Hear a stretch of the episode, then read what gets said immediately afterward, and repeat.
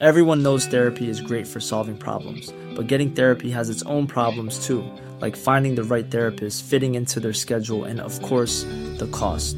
Well, BetterHelp can solve those problems. It's totally online and built around your schedule. It's surprisingly affordable too. Connect with a credentialed therapist by phone, video, or online chat, all from the comfort of your home. Visit betterhelp.com to learn more and save 10% on your first month. That's BetterHelp, H E L P. Burrow is a furniture company known for timeless design and thoughtful construction and free shipping, and that extends to their outdoor collection. Their outdoor furniture is built to withstand the elements, featuring rust-proof stainless steel hardware, weather-ready teak, and quick-dry foam cushions. For Memorial Day, get 15% off your Burrow purchase at burrow.com slash ACAST and up to 25% off outdoor. That's up to 25% off outdoor furniture at burrow.com slash ACAST. Hey, I'm Ryan Reynolds. At Mint Mobile, we like to do the opposite of what Big Wireless does. They charge you a lot, we charge you a little. So naturally, when they announced they'd be raising their prices due to inflation, we decided to deflate our prices due to not hating you. That's right. We're cutting the price of Mint Unlimited from $30 a month to just $15 a month. Give it a try at mintmobile.com slash switch. $45 upfront for three months plus taxes and fees. Promo rate for new customers for limited time. Unlimited more than 40 gigabytes per month. Slows. Full terms at mintmobile.com. Jag har hållit den här historien för mig själv i ungefär tio år nu. För helt ärligt så vet jag inte hur jag skulle berätta det här för andra. Det som hände var en natt när jag låg och sov i sängen och något väckte mig. Jag var inte säker på vad det var som jag vaknade av, men jag visste bara att det var någonting som tvingade mig att vakna. Så vid det tillfället så rullade jag över och tittade runt i mitt rum och ser att det lyser i ett blåaktigt ljus. Det fanns ett fönster i mitt rum, men det fanns inget som skulle få det att lysa så blått. Men det var tillräckligt ljus för att jag skulle kunna urskilja detaljer av föremål i mitt rum. Då ser jag att på mitt golv ligger någon på huk och det såg ut som någon lekte med en leksak eller något. Det var svårt att säga exakt för ryggen var vänd emot mig, men det var definitivt ett människobarn som hukade där. Jag trodde att det var min styrbror som hade kommit in till mitt rum för att leka med en leksak som han hade lämnat där inne. Så jag frågade om det var han. Jag minns inte så mycket härifrån, men jag minns att det här barnet vänder sig om fortfarande i en ihopkrupen position.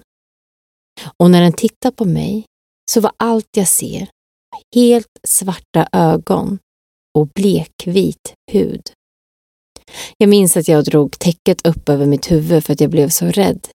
Men det är allt jag kommer ihåg. Och jag har aldrig haft någon sån upplevelse igen.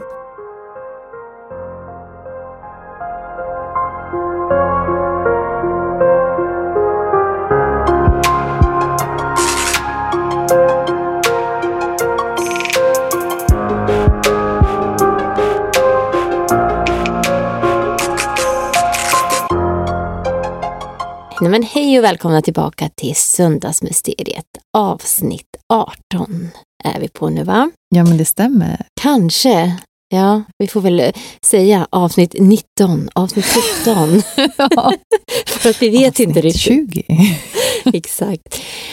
Och det här avsnittet så kommer ju vi, som ni säkert redan har sett, prata om lite spökhistorier.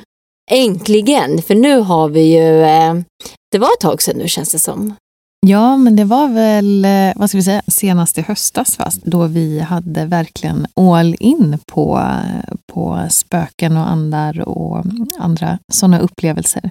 Framförallt också när vi hade halloween runt hörnet. Ja, och det här avsnittet kommer vi köra lite samma koncept som vi gjorde då ett av de avsnitten i halloween där vi men, hittar lite historier på internet som vi sen berättar vidare.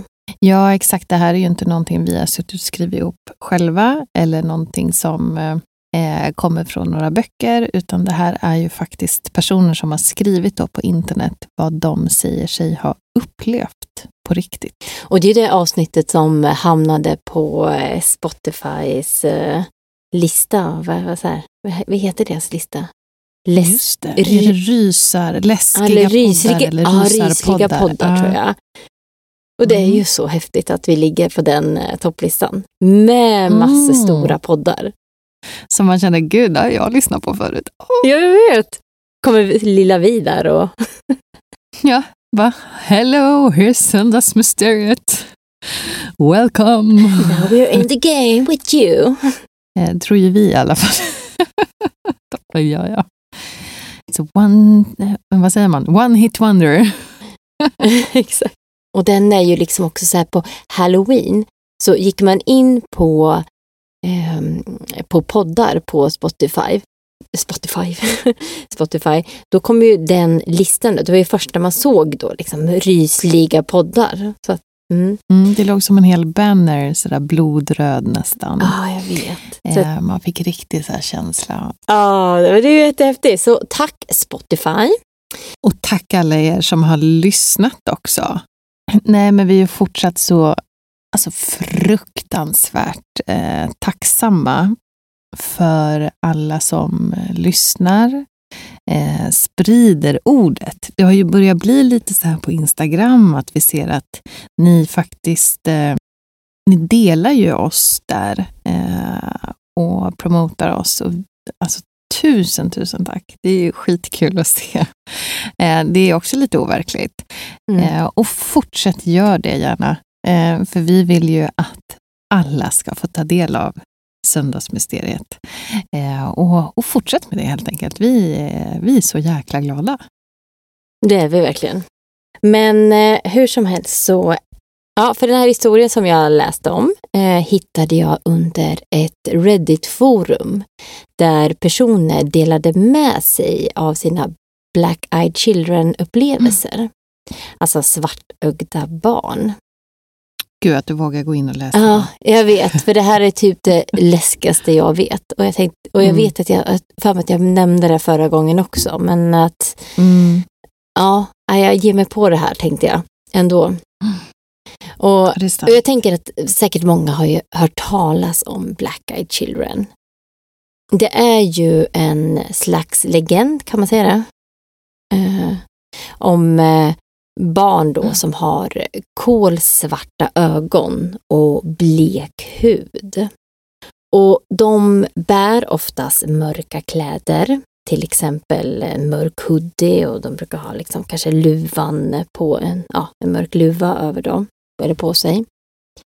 Och de här barnen sägs då uppenbara sig utanför ens dörr.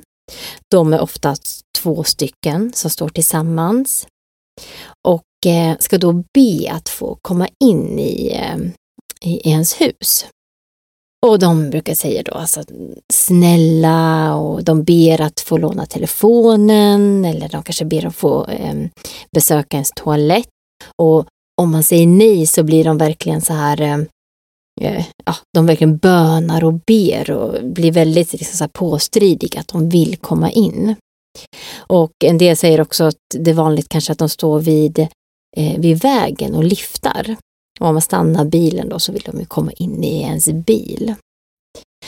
Och man ska då få en så stark eh, känsla eller rädsla att så här, nej men, eh, alltså, och inte bara då att de ser väldigt obehagliga ut med deras svarta, nästan ihåliga ögon, utan att eh, det är något liksom instinktivt i kroppen som liksom säger att nej men det här är fel.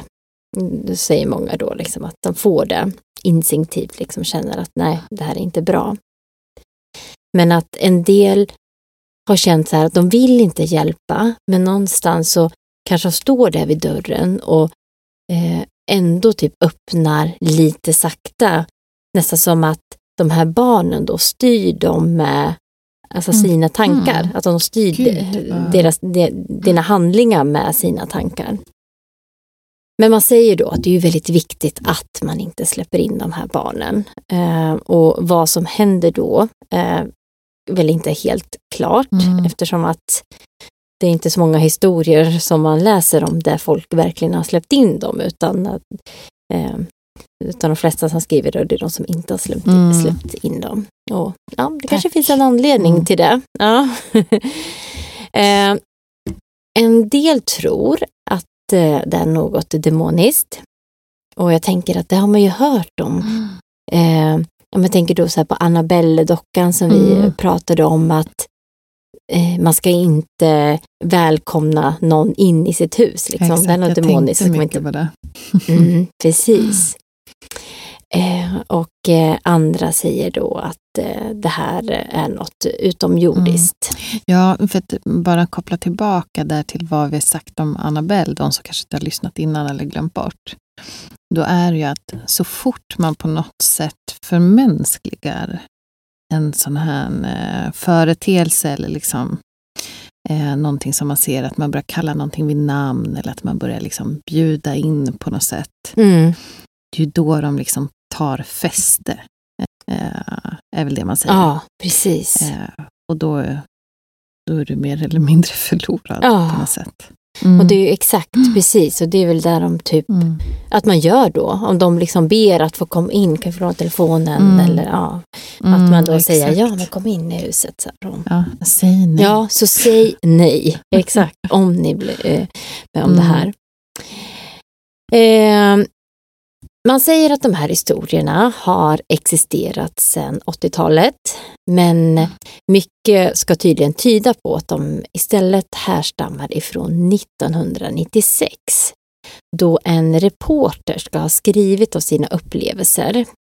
Nu har jag inte hans namn här, men strunt samma. Mm. Mm. Och han då ska b- beskrivit de här mötena med svartögda barn. Han bodde i Texas, eller han kanske bara hade ett möte. Ehm, och han hade då också hävdat att det fanns en annan person som hade haft en liknande upplevelse i Oregon. Så att eh, många säger att det var, det var så det startade då. Lite intressant var att han 2012 hade varit med i någon intervju och fortfarande har stått fast vid sin historia att det här hade hänt honom. Vilket är ju lite läskigt då. Så det är ju kanske inte bara en legend då, som Mm. den, ändå någon som ändå står fast vid sin historia. Det är inte någonting man kanske, man skulle kunna tro att det här, alltså legend tänker jag, det är något som är härstammar från 1800 och 1700-talet. Nej, precis. Det måste ju finnas någonting i det verkligen. Sen om han har hittat på det, Mm. liksom, det vet man ju. Man får ju bara tro vid hans ord. Då. Mm.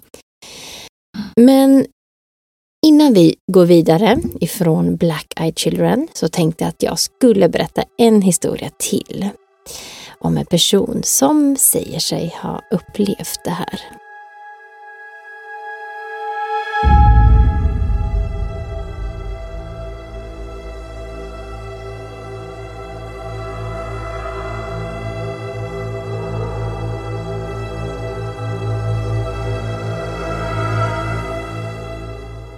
Innan du läser det här så vill jag bara berätta hur jag kände för de här typerna av berättelser. Jag har aldrig trott på det paranormala och jag har aldrig ens hört talas om svartögda barn förrän jag läste om det på Reddit. De här berättelserna var alltid bara underhållning för mig och jag tog dem som fiktion, även om alla såklart sa att de var sanna. Jag fastnade just för Black Eyed Children-historier eftersom att de var lite annorlunda än de vanliga spökhistorierna som jag brukade läsa. Och jag fann det underhållande. Men nu kan jag inte hjälpa att känna mig väldigt skyldig för det jag ska berätta för alla er. Eftersom att jag är rädd att anledningen till att det här hände mig var just för att jag hade läst om de här historierna. Och det som hände mig önskar jag inte ens min värsta fiende.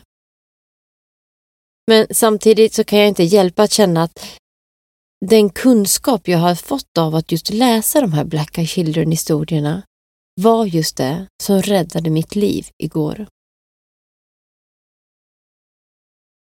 Det finns ingen historia av psykisk ohälsa i min familj och jag har aldrig varit berusad eller tagit sinnesförändrande substanser. Jag vet att många av er kommer inte att tro på min berättelse. Men jag vill ändå tillägga att jag kommer inte att svara på några frågor eller ens läsa om det jag skriver just nu. Det här får bli ett engångskonto och jag använder det bara för att varna er om Black Eyed Children. Jag kommer aldrig prata om det här igen, även om jag fruktar att jag kan drivas till galenskap genom min paranoia. Även fast jag nu sitter tryggt och skriver den här historien hemma hos min bror med lamporna på.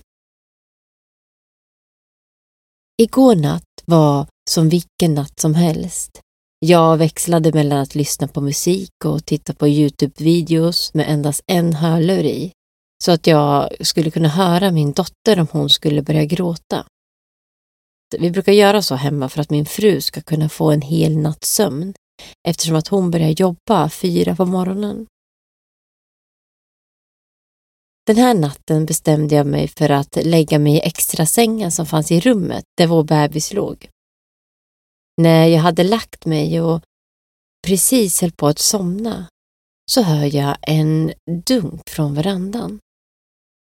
Förskräckt så öppnar jag ögonen och tittar igenom rummet. Men tänker ganska snabbt att det troligtvis bara är våran katt, så jag somnar om. Men då hör jag dunkandet en gång till. Jag tänker att jäkla katt och ska gå upp för att försöka köra bort honom från verandan, men ser att han inte var där.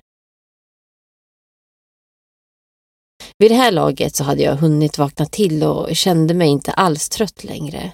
Så jag går ut i köket och kokar lite te och kollar klart på den där serien som jag såg på Youtube.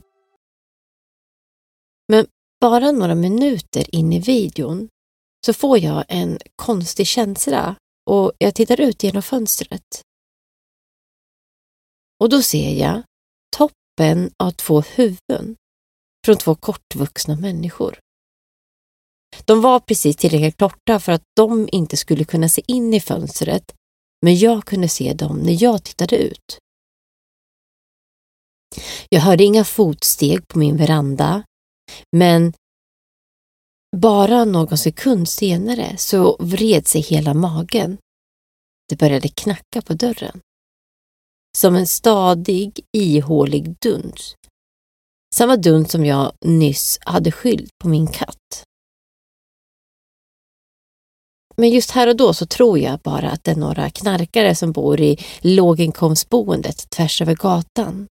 Så jag bestämmer mig att det är bäst att inte svara och jag stänger igen min bärbara dator och smyger förbi dörren tillbaka till min eh, dotters rum. För det sista jag behövde var att försöka förklara för två höga personer att jag faktiskt försöker sova, eh, trots att klockan är två på natten. Det var inte förrän jag kom till min dotters rum som det otäcka hände. Den här knackningen hade nu flyttat från köket till sovrumsfönstren.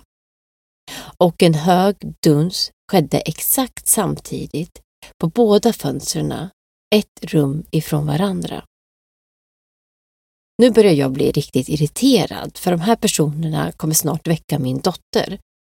Så jag tänker att jag måste köra bort dem härifrån. Förbannat så gick jag ut i köket, jag låste upp dörren, redo att springa runt till sidan av huset och sparka iväg två små idioter. Men istället så möts jag av två stycken pojkar, kanske runt 10 eller 11 år gamla, som står och tittar upp på mig.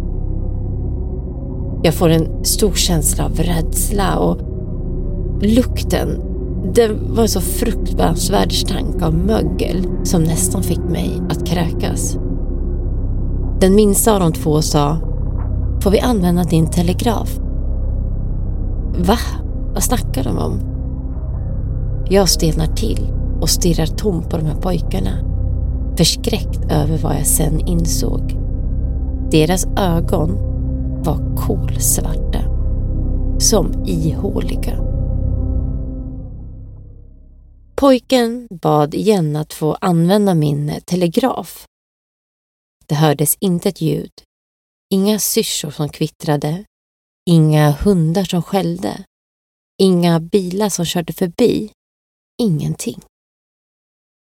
Jag försökte spela cool och ignorerade faktum att han inte hade sagt telefon eller mobiltelefon utan telegraf. Och jag svarade lugnt att jag har tyvärr ingen täckning hemma hos mig. Uttrycken i deras ansikte blev rasande när jag avslutade min mening. Snabbt stängde jag dörren och låste den så snabbt jag kunde. Sen sprang jag tillbaka för att skydda min dotter. Jag plockade upp henne från spjälsängen och höll henne nära. Sen så började dunkandet på fönstren igen. Jag föll ner på golvet så nära väggen jag kunde och höll min lilla flicka i famnen och grät som ett barn. Jag kände mig hjälplös och rädd och jag låg där i vad som kändes som timmar och grät och skakade tills att jag hör min frus väckarklocka. Och dunkandet slutade i samma ögonblick som larmet gick. Jag kröp tillbaka till mitt sovrum tillsammans med min dotter min fru märker direkt att det var något konstigt med mig och frågar vad som var fel. Men jag skyller bara på en eh, dålig dröm. Hennes närvaro lugnade ändå mig en aning och jag lyckades låtsas som ingenting hade hänt. Sen var hon tvungen att åka till jobbet och jag satt bara livrädd och höll min dotter och väntade på att hon skulle komma hem igen. Och när hon väl kom hem så insisterade jag på att vi skulle åka och sova hos min bror i natt och här sitter jag alltså nu förskräckt medan hon sover i gästrummet med vår dotter. Undra varför det slutade när hennes larm gick. Jag tror jag vet svaret. Jag var medveten om Black Eyed Children. Hon var inte det. Varje berättelse jag har läst om på internet så är det från någon som redan känner till dem. Kanske bara kunskap om att de existerar är en anledning till att de besöker.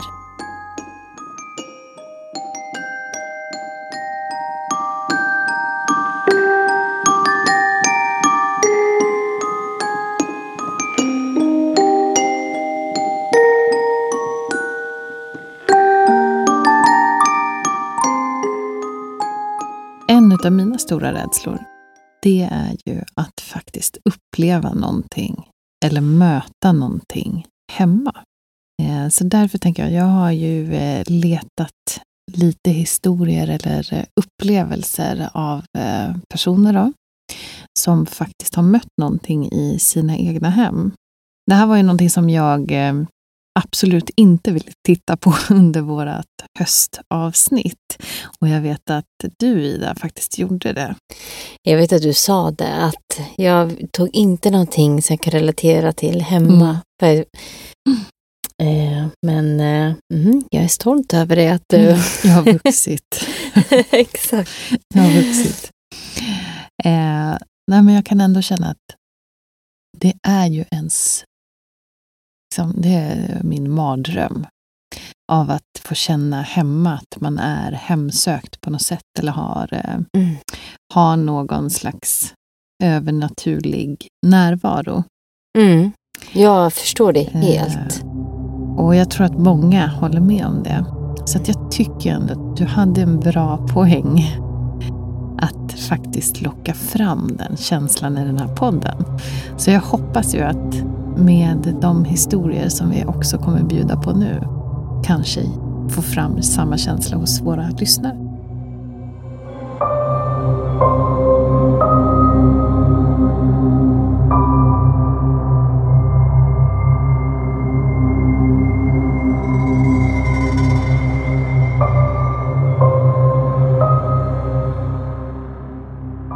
Jag och min man vi bor tillsammans i en liten lägenhet i innerstan. Det är ett gammalt sekelskifteshus. Vi har precis eh, börjat vänja oss vid att ha vår lilla dotter med oss. Hon är tre år och går på förskolan.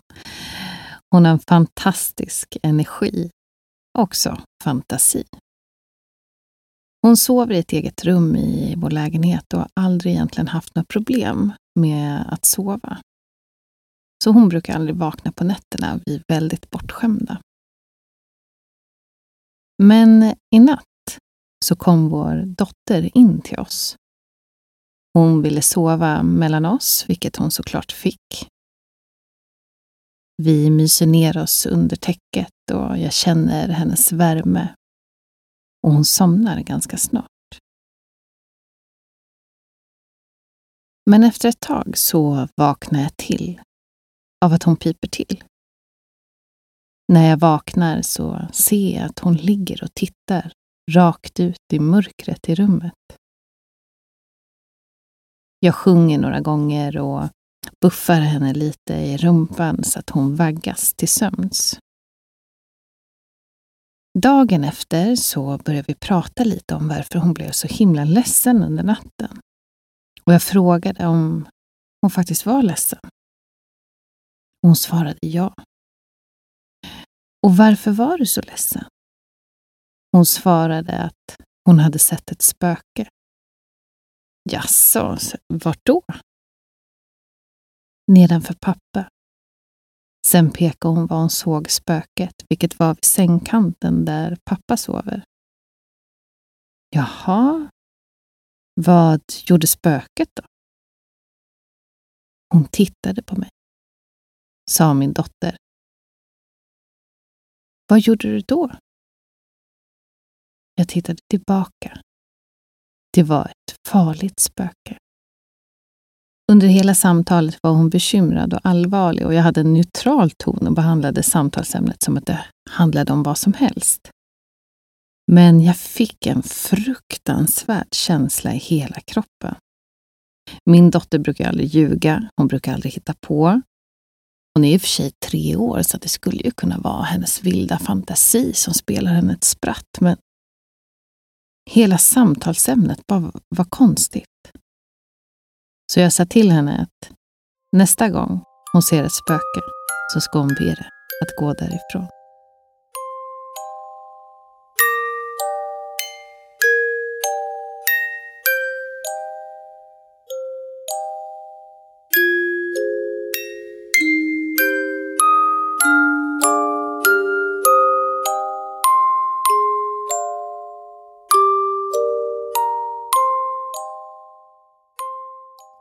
Jag och min familj, vi hade fördelen att lyckas köpa loss den lägenheten som låg under våran i vårt hus.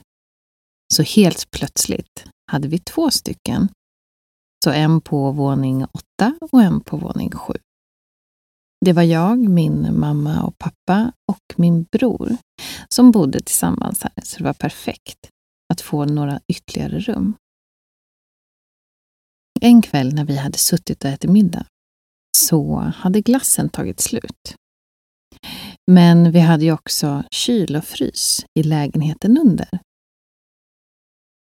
Mellan de här lägenheterna så hade vi ännu inte hunnit renovera och göra så att vi kunde gå mellan dem utan att gå i trapphuset.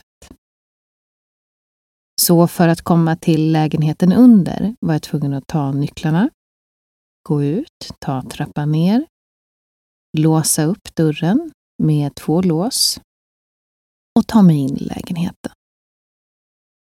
Så det var det jag gjorde för att mamma ville ha glass till efterrätt. Jag tog mig ner för trappan och började öppna upp dörren, kliver in i lägenheten och ska ta mig fram till kylen och frysen. Det är kolsvart i lägenheten och jag märker att det är någon som sitter på soffan. Jag skyndar mig för att tända lampan och jag ser att min pappa sitter där. Han sitter i soffan och stirrar rakt ut i tomma intet. Äh, det här var jäkligt konstigt.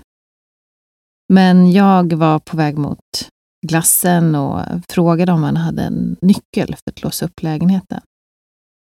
Jag fick inget svar. Jag ryckte lite på axlarna och tog fram glassen. Ja, han kom i alla fall in så att han måste ju kunna komma ut också och låsa efter sig. Jag tog glassen, gick ut och gick upp för att komma tillbaka till vår första lägenhet. Triumferade med glassen som jag hade med mig. Men jag fryser till och stannar i chock när jag ser hur min pappa fortfarande sitter och äter middag vid middagsbordet. Hur kan det vara möjligt att jag just såg honom i vår lägenhet nedanför som man faktiskt måste ta nycklar med sig för, gå ut i trapphuset, en trappa ner, låsa upp, gå in och där satt han i soffan. Men nu satt han här och åt middag helt oberörd. Sedan dess så har jag aldrig vågat gå ner själv i den nya lägenheten. För jag vet aldrig vad det är som väntar.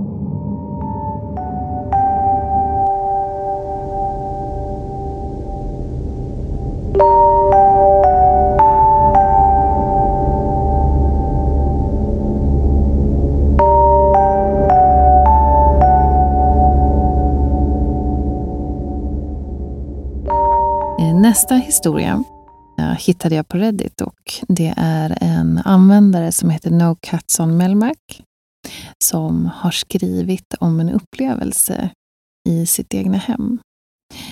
Den här kanske är ganska lätt att vifta bort till en början, men man får en verkligen att fundera när undertecknad återbesöker sitt hem flera år efter den första händelsen.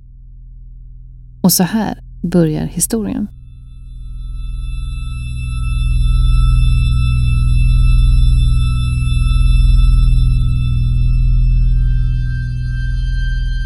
Det här var när jag var 11 till 13 år någonting. Jag bodde i ett rum som hade en dörr som ledde mot en vindsgång till vinden i huset.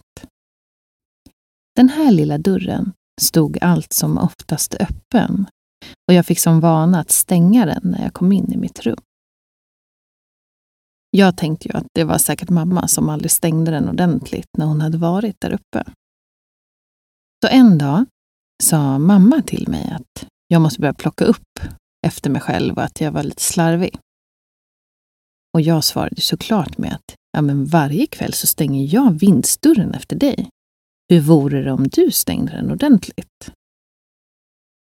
Hon tittade förvånat på mig. Hon svarade att hon inte hade varit på vinden på flera månader. Okej, tänkte jag. Eh, jag frågade min bror. Eh, han hade inte heller varit där. Ähm, pappa? Nej. Okej.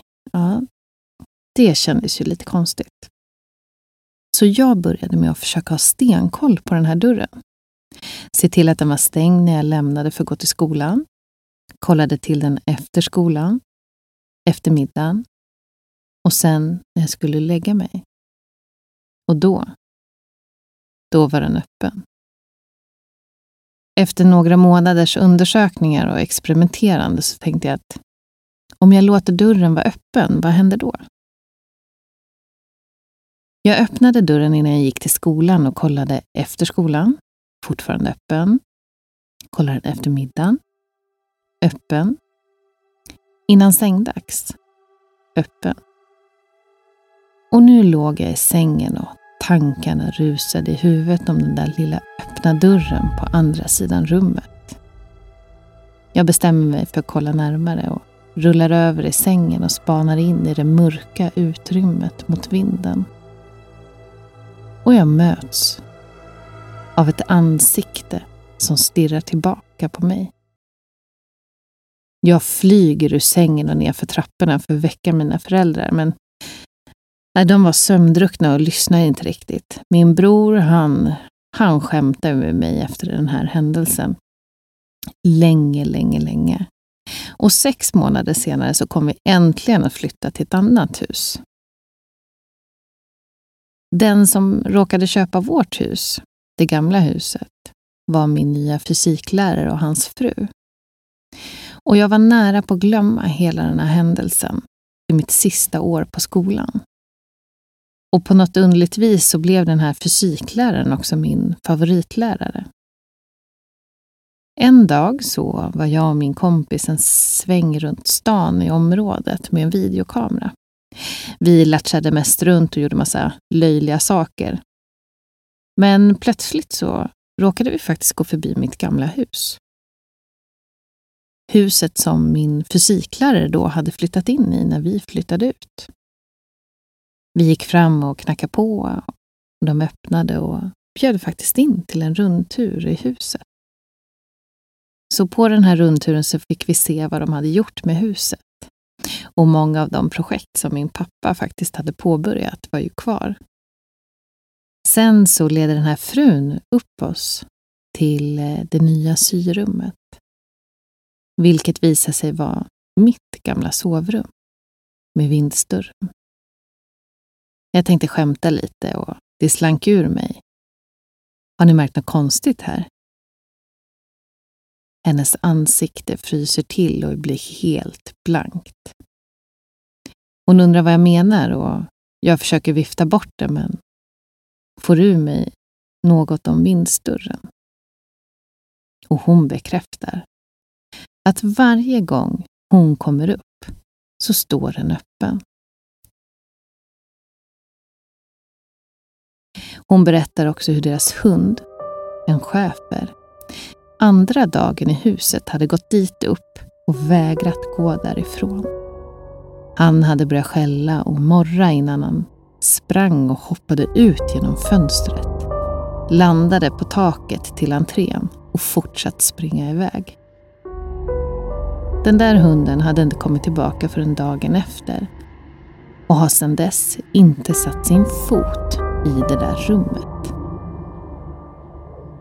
Det finns ingenting som förklarar det jag såg och upplevde.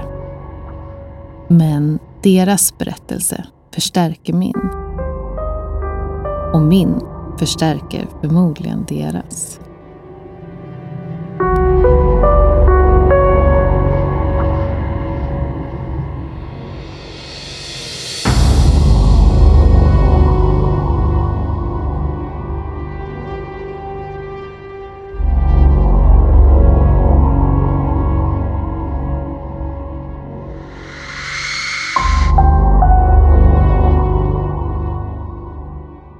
Sluta. Alltså den här... Eh, ja, jag vill bara gå tillbaka till den här första historien. För det var nog det mest obehagliga jag har hört, tror jag. Mm. För att Ja, den med dottern Ah. som... det där är ju en mardröm när man har... Jag har ju verkligen Mm. en dotter i treårsåldern också. Så att, och det här att hon kommer in och... Ah, fy. Ja, och bara stirrar du vet ut i mörkret. Ah. Och man märker så här kanske också. Jag, jag försöker så föreställa mig det. Mm. Att man måste ju ändå känna liksom att men gud, de tittar Ja, på dem. jag vet. Jag tänker... Men man är inte själv riktigt medveten för att man är så himla trött. Nej.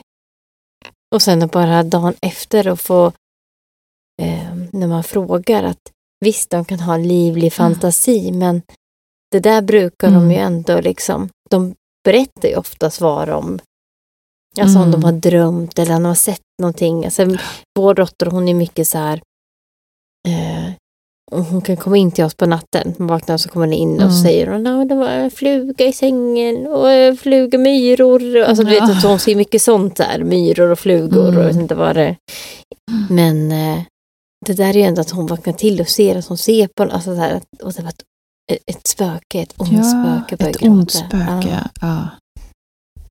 Nej, åh, jag, hade, jag hade inte velat gå och lägga mig igen.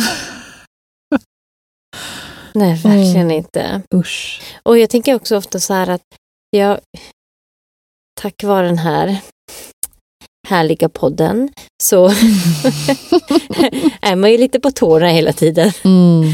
Och ja, när jag, vak- jag kan ju liksom vakna upp av att, eh, liksom, att man hör henne det gny eller gör Mm. någonting. Eller oftast är det hon som eh, ja, vaknar. Mm.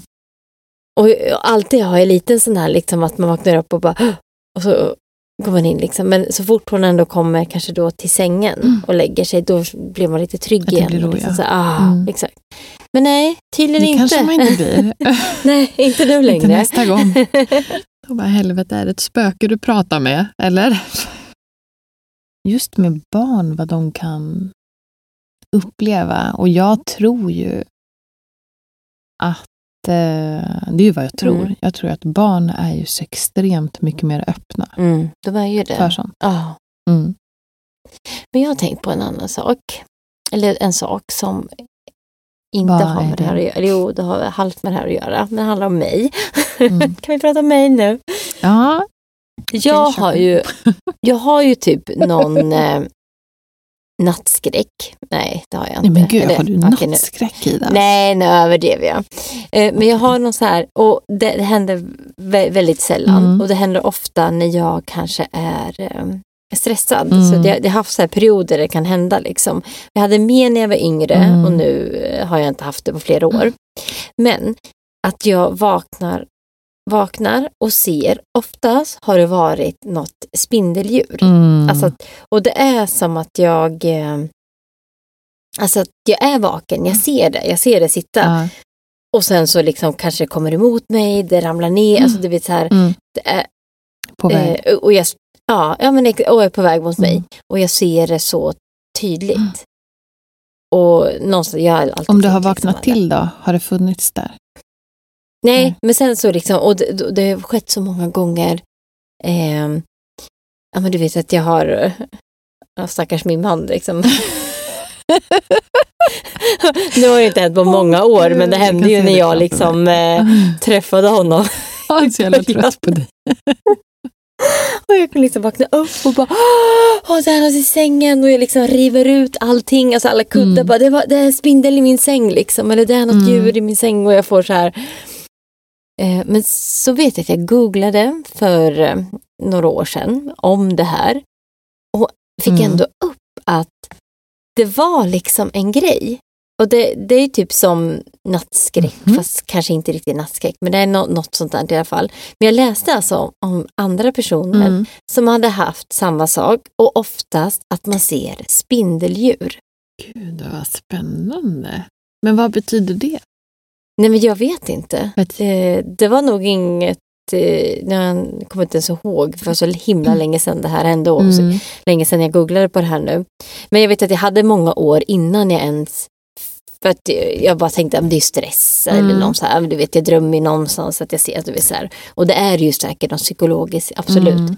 Men det var så himla spännande när jag läste om att andra hade haft det här, Mm. eller har det här, liksom att det är en typ en grej. Att man säger oftast är det spindeldjur Men då. gud, jag har ju också sett spindeldjur när jag var yngre. Nej, men du och jag vi är ju så lika med så många grejer så det är så obehagligt. är det sant?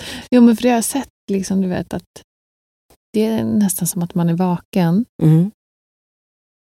Eller man, ja, man är typ vaken. Men man är ju vaken, man ser Men ju så det. ser man en stor spindel typ så här, klättra på väggen så här, ner mot. Ja. Varför har vi inte pratat om det här innan? Eller hur? Vi kanske ska, ja, åh, det var så länge sedan. Jag bara kom Wow. på det nu liksom, när vi har pratat med min dotter som ser myror och ran ena och andra. Ja, hon bråser ju på dig. Ja, uppenbarligen. Och då kom jag på det här att ja, spännande. Gud, det här kanske vi borde forska mer i. Vad det är för något. Mm. Men gud, nu rabblar vi Nu på spårar vi här. iväg. Ja, jag vet, men jag måste ju ändå berätta det här med mig. Det är så kul. Och det här var ju liksom i början då när jag och min eh, man eh, träffades. Alltså vi hade verkligen precis börjat Mm. dejta. Och, eh, och jag sover över hos honom och vaknar upp. och det här var ju, det är samma sak fast den här gången så är Mm. inte spindeldjur. Men jag ser, tittar på honom och det ser ut som att han har som liksom trådar Ja, hängandes eh, liksom från kinden Mm. och munnen så här in till väggen på något sätt. Och jag, och jag liksom, vi ligger och sover och jag vaknar väl tidigt någonstans där och ser det här på honom och så bara Gud vad är det som, Som liksom är på hans liksom, kind? ja, så jag sätter mig upp och bara "Åh!" Och du vet den här liksom paniken stirrar på honom och han vaknar till och bara vad Och är det? Och jag sitter där och bara och bara Ja, men herregud. Men förstår du hans Ny panik? dejt också. Mamma, tack Ja. inget. Nej, Men tänk dig själv om Mm. någon liksom Nej, Eh, vad hemskt. Mm. tittar på dig och liksom bara, vad ska man göra? Och bara, vad händer? Och sen så någonstans där så vaknar man ju till mer och mer. Det är precis Mm. samma med de här spindlarna liksom. Och då ser man, okej, nej det Mm. var ingenting. Så så är det här också. Jag tyckte det bara var lite kul. Men eh, ja, så att, eh, men han stannade så att jag får vara glad över det. Det får du vara. Åh, Gud, Crazy bitch. Chocken där. Men det är spännande sådär vad, eh, vad sånt kan påverka också vad man upplever i verklighet. För mycket sådana här, eh, också sådana som eh, skriver då i de här forumen eh, om vad de har varit med om nattetid. Så Mm. är det ju mycket som liksom pratas om just, just ja, men vad är nattskräck? Vad är eh, sömnparadys? Mm. Vad är, och den här nattmaran. Och vad Mm. är faktiskt kanske något utav det paranormala som är här och Mm. hälsar på. Ja, hur, hur ska man veta? Vad Hur är ska man veta? Ja. Vad ska vi gå vidare med nu då? Ja, är det jag nu Mm. då? Eh, mina nästa historier som jag har eh, tagit fram, har jag hittat från Reddit-forumet där man eh, hade ställt frågan att eh, vilka är, vilken är din mest obehagliga paranormala upplevelse som du har varit med om? Och eh, de här svaren som jag hittar kanske, ja, ja men de är Kanske inte på att de handlar om eh, eh barn med svarta hål som ögon. Utan, men eh, de är rätt obehagliga ändå kan man tycka.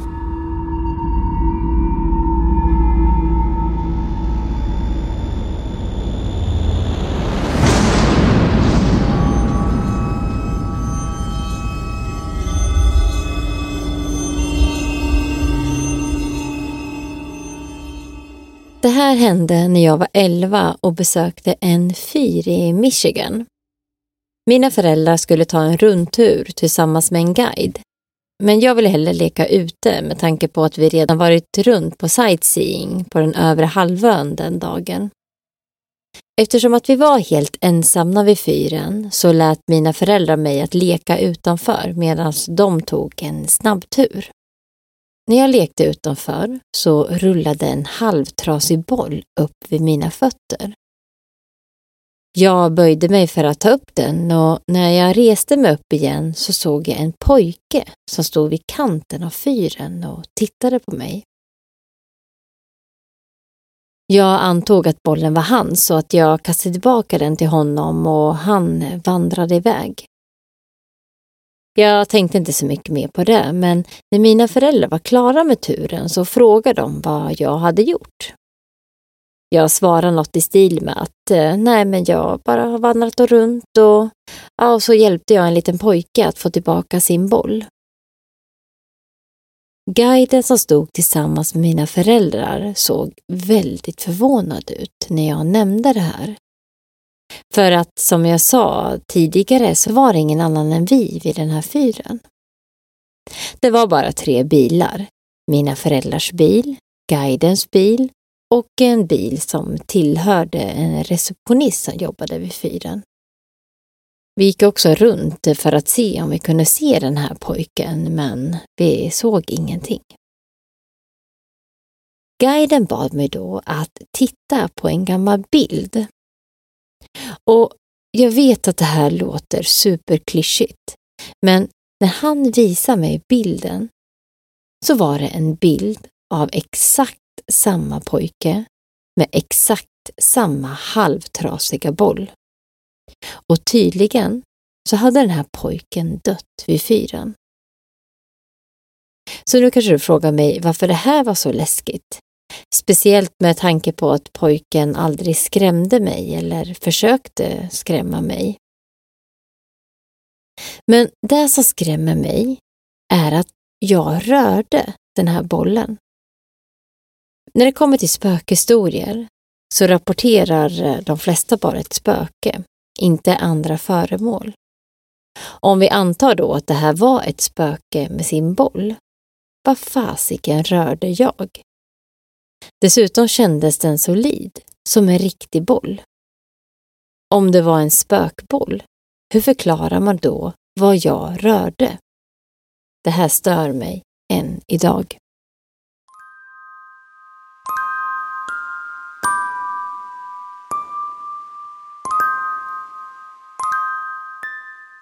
Min syster och jag gjorde oss redo för att gå ut en kväll.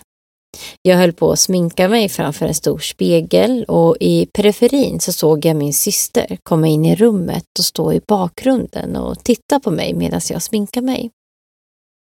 Efter kanske en halv minut så frågade jag henne, är du klar? Men hon svarade inte. Eftersom jag var mitt uppe i min sminkning så tittade jag bara på mig själv men kunde ändå se att hon stod kvar. Så jag frågade henne igen vad gör du? Varför svarar du inte? Men inget svar nu heller. Så jag vände för att titta på henne och när jag tittade på henne genom spegeln så ser jag en okänd kvinna som står där, som inte såg alls ut som min syster. Jag vände runt för att titta på henne, men då är hon borta och rummet är helt tomt. Det finns inte en chans att jag har kunnat inbilla mig det här, för jag såg henne gå in i rummet och stod där bakom mig i kanske två minuter. Och jag såg den här kvinnan klart och tydligt genom spegeln. Faktum att jag faktiskt pratade med henne säger allt. Jag berättar bara den här historien för min mamma som inte direkt trodde på mig. Men några månader senare så hände något som chockade henne rejält. För när hon sitter och pratar med min gammelmormor och gammelmoster som tidigare har bott i samma hus så berättar de båda att när de bodde i huset så hade de sett en kvinna vid separata tillfällen och i och helt olika rum som stått och stirrat på dem.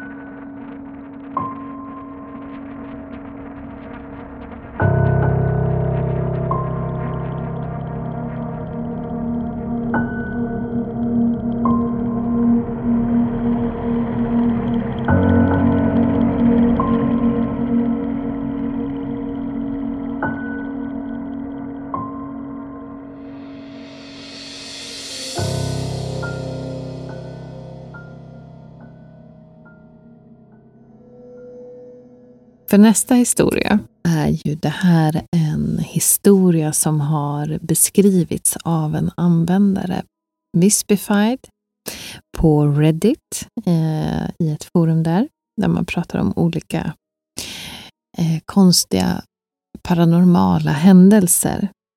Och det som fångade mitt öga var väl kanske titeln också.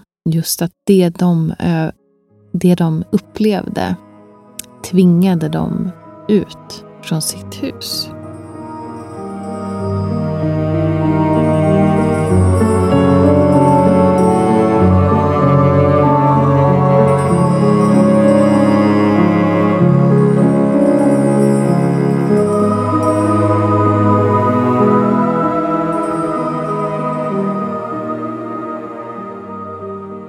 Jag var åtta år när vi flyttade in i ett hus som låg i utkanten av en skog.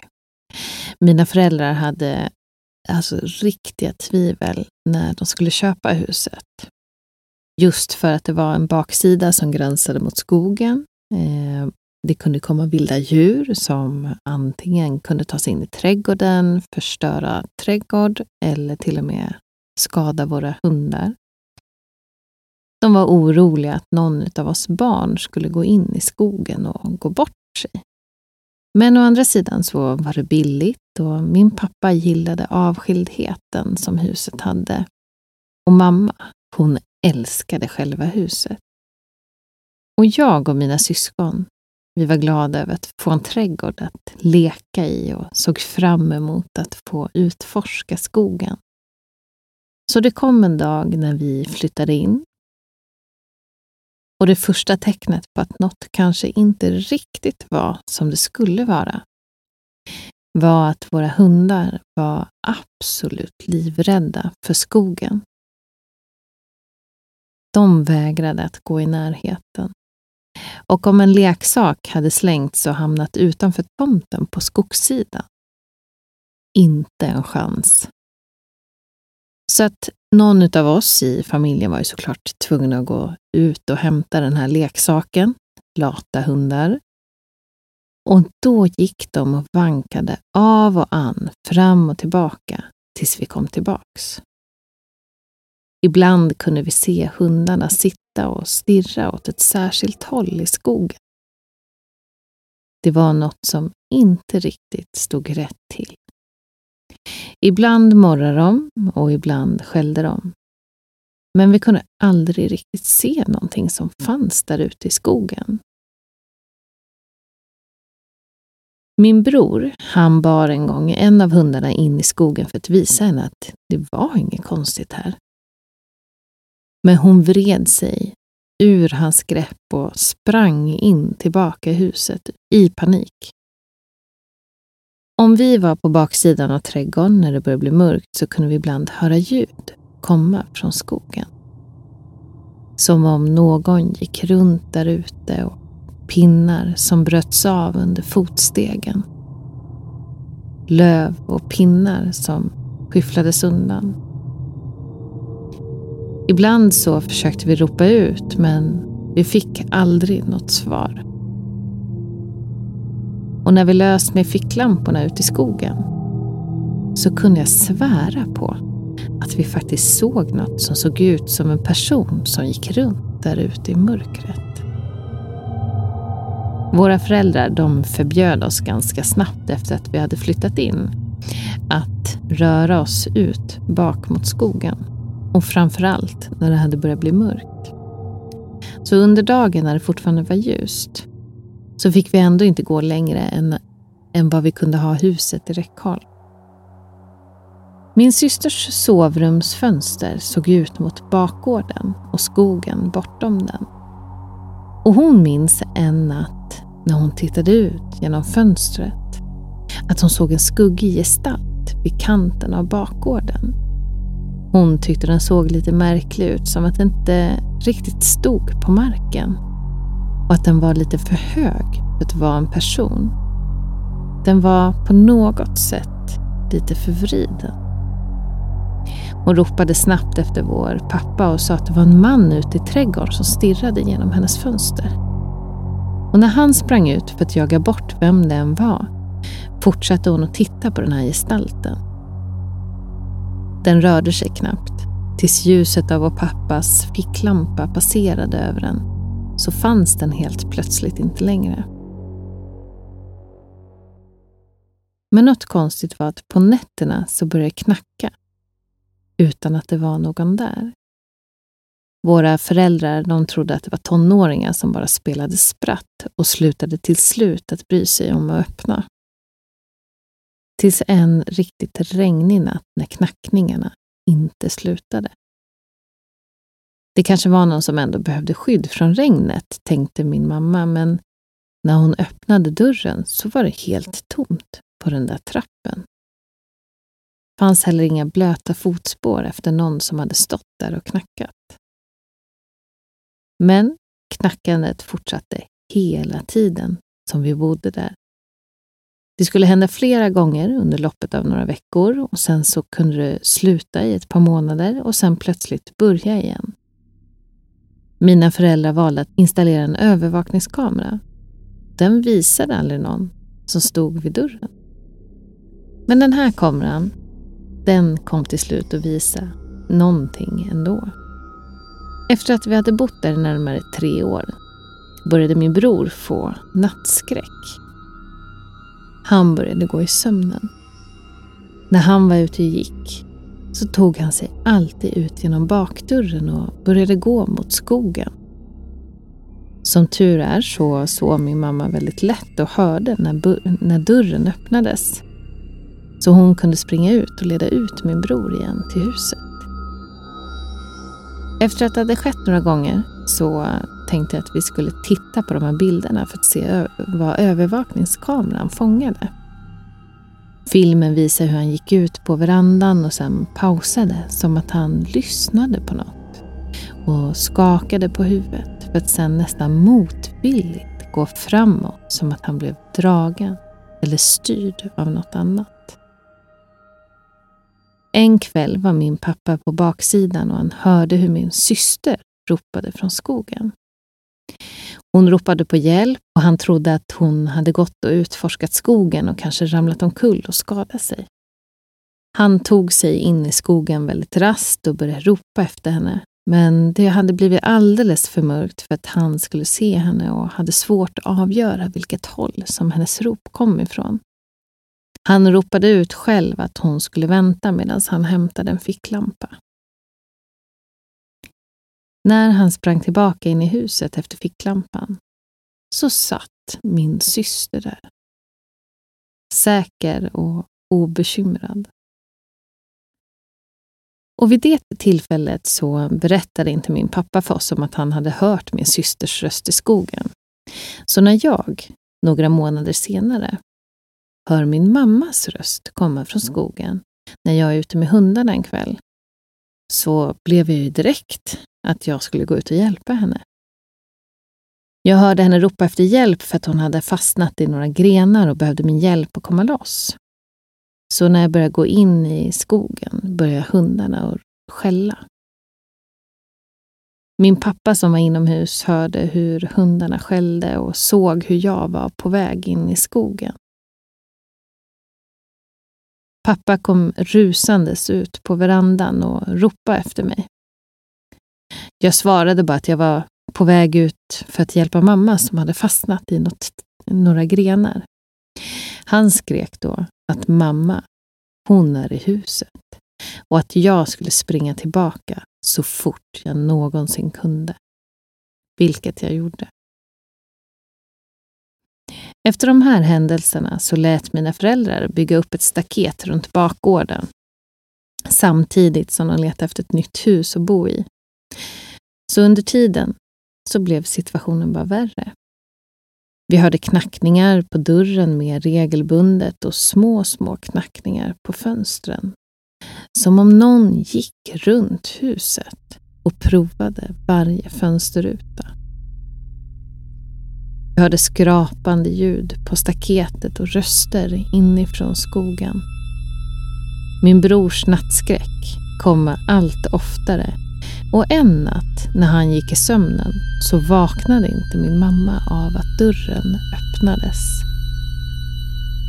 När min bror vaknade så stod han vid staketet och stirrade rakt in i den mörka skogen. Hundarna stod bakom honom och skällde ivrigt. Den sista morgonen vi tillbringade där, mindre än fyra år efter att vi flyttat in, vaknade vi att bakdörren var helt öppen och bilderna på övervakningskameran, den visade att den långsamt öppnat sig av sig själv. Men sen kom dagen vi flyttade ut och med det så slutar min bror att gå i sömnen. Men han kan fortfarande få nattskräck och lider av ganska så svår ångest. Han ringde mig för ett tag sedan från ingenstans egentligen och började, och började kallprata. Han frågade om jag tror, när den där dörren öppnades sista kvällen, betyder att vad som ens finns där ute kanske äntligen lyckades komma in. Han försökte vifta bort och skämta om det och skämtade om hur vi alla kanske borde bli utdrivna och genomgå en slags exorcism.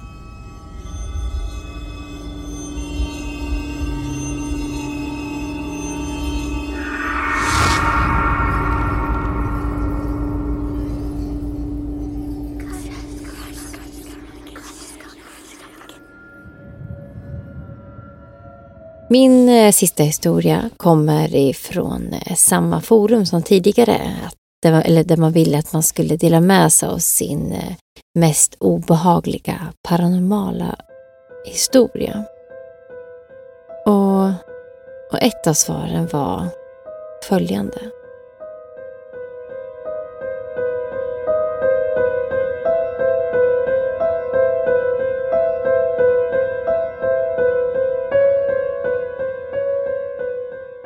Jag har varit med om en del paranormala upplevelser i mitt liv. Men det värsta var en gång när min man jobbade natt och jag var ensam hemma på gården. Helt plötsligt så går vår hund in i någon slags episod och står och stirrar på ingenting mitt i vardagsrummet. Sen så tappar hon det och blir helt eh, rabiat. Jag försöker med allt men jag kan verkligen inte få henne att lugna ner sig. Vanligtvis så brukar det hjälpa att jag stryker henne lite lätt på ryggen för att hon ska lugna ner sig. Men det hjälpte inte. Och jag vet till slut inte vad jag ska göra så att jag går ner och går in till mitt sovrum för att eh, lugna ner mig lite. Då hör jag hur hon stannar upp. Men kanske ungefär 15 minuter senare så är hon igång igen. Och jag kan inte beskriva hur skrämmande det var att se henne så här. Som jag sa, helt vild. Jag går halvvägs över trappan och pratar med henne genom räcket och får ändå henne till slut att komma till mig och sluta skälla. Men hon fortsätter stå och stirra längst upp i trappan.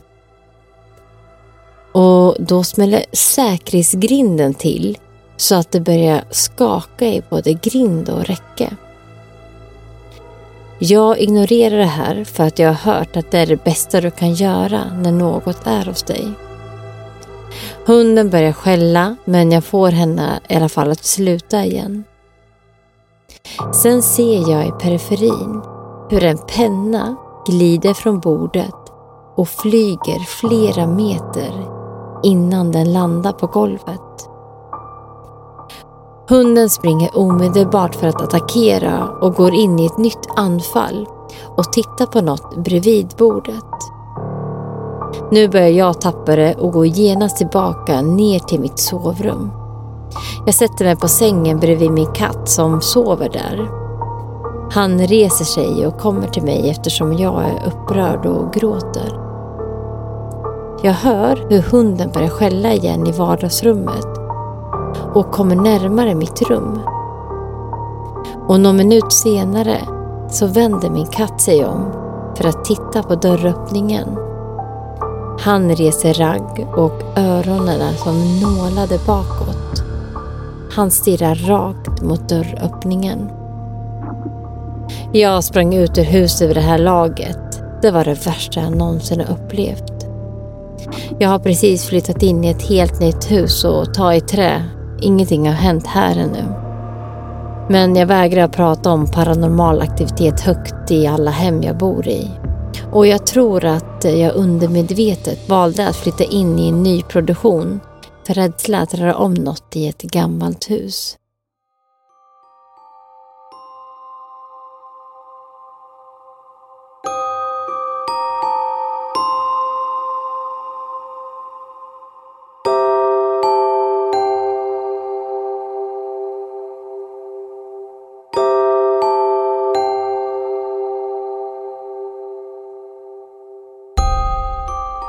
Gud, den där känslan har jag också ibland.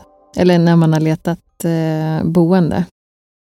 Vad ska Mm, man inte jag flytta in i något helt nybyggt så att man slipper all skit? Mm. Det ja, jag, tycker håller att, helt med. Alltså, man har känt det också när man har bott i, eh, i lägenheter som har varit sekelskifte. Det är en helt Är annan alltså? känsla mot, eh, mot de som är mycket modernare. Du är ju lite öppen för sånt här. Så. Ja, ja, ja. ja men som där vi bott. Två i alla fall. Mm. Vadå, hur skulle du beskriva det då? Att, eh, Oj, nej men jag tycker att jag alltid känt mig på något sätt alltså inte ensam. det vet jag att du har sagt. Eller Ja. iakttagen. Ja. Och i de där ja, lägenheterna du har bott i, att du så här, jag Mm. känner att det är någon här. Liksom. Mm. Mm. Och när man har stått i köket och diskat så har man jag känt att ja, men det är, nu står någon där bakom Ja. och, och tittar. Och så vänder man sig om. Men Det är helt tomt men man är liksom ändå inte ensam på något sätt. Och Jag har inte, nej jag vet inte. Men jag tänker på det här, på din eh, historia. Men det här att, eh, ehm, att de hör en- person i skogen Mm. Eh, alltså som att det är någon som efterliknar dem och så, så när de Mm. liksom kommer in så är den här personen hemma. Och samma sak, eh, jag tänkte på att det är lite liknande den här andra historien du hade innan om att den här, eh, att hon ser pappan som sitter i Mm, soffan. Exakt, som gick och hämtade glass ja. Ja, men exakt Mm. att det är liksom kanske lite samma sak, så att det, det är någon som eh, efterliknar, eh, ja, efterliknar dem. Mm. Det är ju väldigt, eh, ja usch, obehagligt. Ja, ver- verkligen obehagligt och särskilt också eller framförallt kan jag tycka just det här att man verkligen hör hur någon ropar på en. Mm. Kan jag tänka mig blir så himla verkligt på något sätt. Mm. Eh, och man kanske hör ja, men panik att man fastnar och inte kommer till loss och behöver hjälp. Ja, Eh, men det blir också så här, vad skulle det kunna vara? Det känns ju som... Eh, det är ju inget snällt. nej precis. Och jag försökte läsa lite om det här då när jag hade den här historien. Att, eh, ja, men att det kanske är något, eh, det tror man också kanske är något, någon demon av något slag. Alltså att det är något Mm.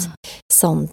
Eh, det är inte va- bara en vanlig ande. Att en vanlig ande kan inte eh, precis efterlikna en annan person liksom, eller se Mm. ut som en annan person. Utan det är någonting som, ja, något väldigt ont skulle göra. Då. Mm. Och tänk då att den här eh, ja, men kanske såg eh, den ena bron då som kanske, jag vet inte, svag eller enkel att, att ta över i och med att det verkade ju vara den eh, Mm. den brodern som det här i skogen då verkade kalla på. Genom att få honom att gå i sömnen och prata med liksom, "Ja, men nu ska du komma till skogen. I och med Mm. att de också motvilligt, eller sett honom på de här filmerna, då, att han verkligen så Ja, motvilligt går liksom precis. skogen, att han pratade med någon annan. Och nästan som att han liksom blev dragen in i Mm. skogen. Mm. Ja, Tack men, lov för deras mamma. åh, men verkligen. Och att de hade hunnit att bygga det här staketet så att han inte kunde ta sig ut då när han väl gick Mm. ut. Utan att han fastnade, liksom stannade vid Mm. staketet och tittade ut. Ja, Det- verkligen. För Ja. undra vad som hade hänt om han hade faktiskt gått in i Mm. skogen. Ja, och det är ju eh, alltid det där. Du tänker här, missing persons, missing Mm. people. Ja, det kanske är sådana som blir lurade nu, kanske också mitt i sömnen så att man inte har en chans att... Nej, men det vet man ju faktiskt inte. Det, det kan ju vara, vara en del av det. Mm. Ja, men, Definitivt. för jag, ja, men det är ju det. Och jag kom ju, liksom, när jag satt och försökte hitta historier så kom jag över liksom flera historier som hade just det här lite fenomenet att man hör en, att det var någon som hör, alltså hör en röst och sen så helt plötsligt så är den personen i ett helt annat rum så det kan inte Mm. alls ha varit den personen som har skrikit eller Gud, nu kommer jag börja inbilla mig sådana massa saker, att folk ropar. ja, men tänk om du skulle höra din eh, son i skogen. Då hade du nej, usch. sprungit in. Jo, det är klart man hade gjort det. det Nej, inte nu. Om. Du, nej, exakt. Nu stannar jag för fan. För så roligt, vi pratade om det, att det båda vi liksom bor ju med här gränsområde mot en skogs, ett Ja, skogsparti. så bara helvete. Åh, det var ändå lite ångest att läsa om de här bitarna. Ja, nej, så Men vi har ju så steppat upp vet lite. jag inte. Jag, jag skickar eh, min man helt enkelt. Eh, jag tycker det här är så otroligt fascinerande då att höra. Eh, Mm. för det finns så himla mycket historia ändå. Och jag, det är lite kittlande. Just det här att Ja, men många pratar säkert om att ja, men det är sömnparalys eller det är så här, ja, men folk är fulla, tar droger och är höga. Och, ja, men sen alla de som inte gör det då? Ja, precis. Vad Sen är väl alltid det med Reddit att eh, det är ju kanske en avvägning där. vilka berättar faktiskt upplevelser som varit med om och vilka vill bara eh, skriva en spännande historia. Mm. Men det var väldigt kul att ha ett till sånt här avsnitt där vi eh, tar upp lite mer sådana här upplevelser från människor där ute i världen. Och, och vi brukar säga varje gång också, dela gärna Mm. mer, mer av Och är era någon- upplevelser. Om det låter väldigt mycket om din mick nu. Håller du på? Håller på? Pratar du mycket om mimik? Jaha, jag. Ehm, jag som klipper kände direkt att oh, det här kommer bli jobbigt. det är inget bra. Nej, det här blir inget ehm, bra.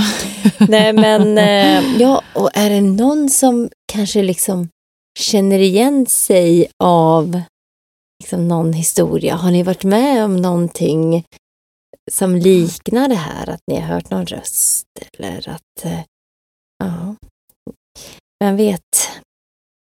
Det hade varit spännande. Eller har ni Mm. någon annan historia som ni skulle vilja att vi eh, berättar om så eh, eh, har vi sagt tidigare, men skriv den till oss då. upprepas. Det tåls att upprepas. Eh, och vi eh, börjar ju faktiskt också i den här säsongen. Eh, ja, säsongen börjar lida mot sitt slut. Nu är det något konstigt ljud hos dig igen. något konstigt ljud? Jag gör ingenting. Nej, nu försvann det. Var du Nej. nära någonting? jag sitter still. Nej. Ja. Nej, men den här, eh, vad sa vi? Mm. Ja, men säsongen börjar lida mot sitt slut. Eh, men vi eh, kommer ju avsluta med ytterligare ett avsnitt. Eller hur? Ja, det kommer vi. Vi sa förra avsnittet att det här blir vårt sista, men så inser vi att nej, vi har ju väl kört sex avsnitt. Mm, det här. tidigare, ja. de tidiga säsongerna, så vi får väl göra detsamma igen. Och, eh, ja, vi hade ju lite saker eh, som vi tänkte att vi skulle prata om, outa det här.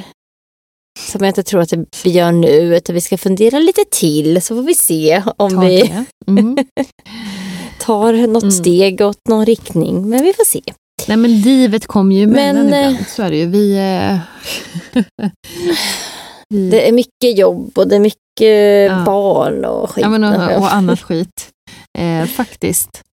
Så att tanken var ju först därför att vi skulle ha fem avsnitt. Men eh, sen så har vi ju er som är där ute och pokar och gillar och, och, och ratear och allt vad det nu är.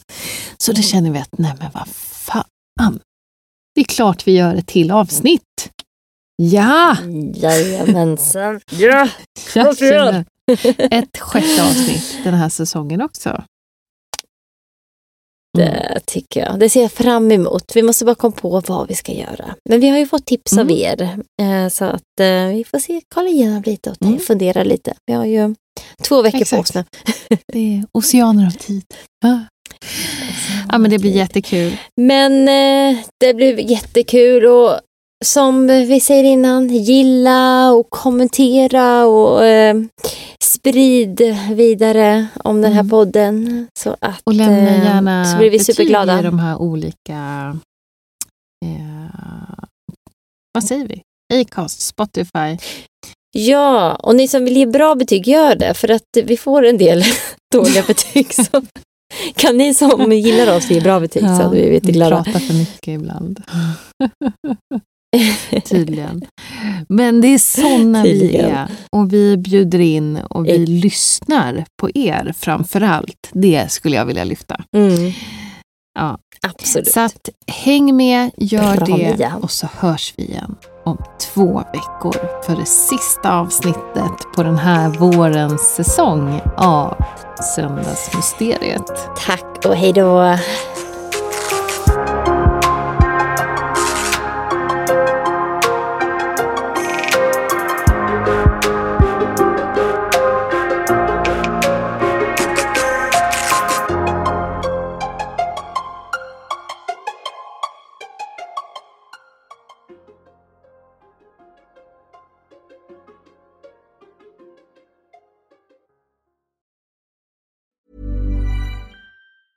Planning for your next trip?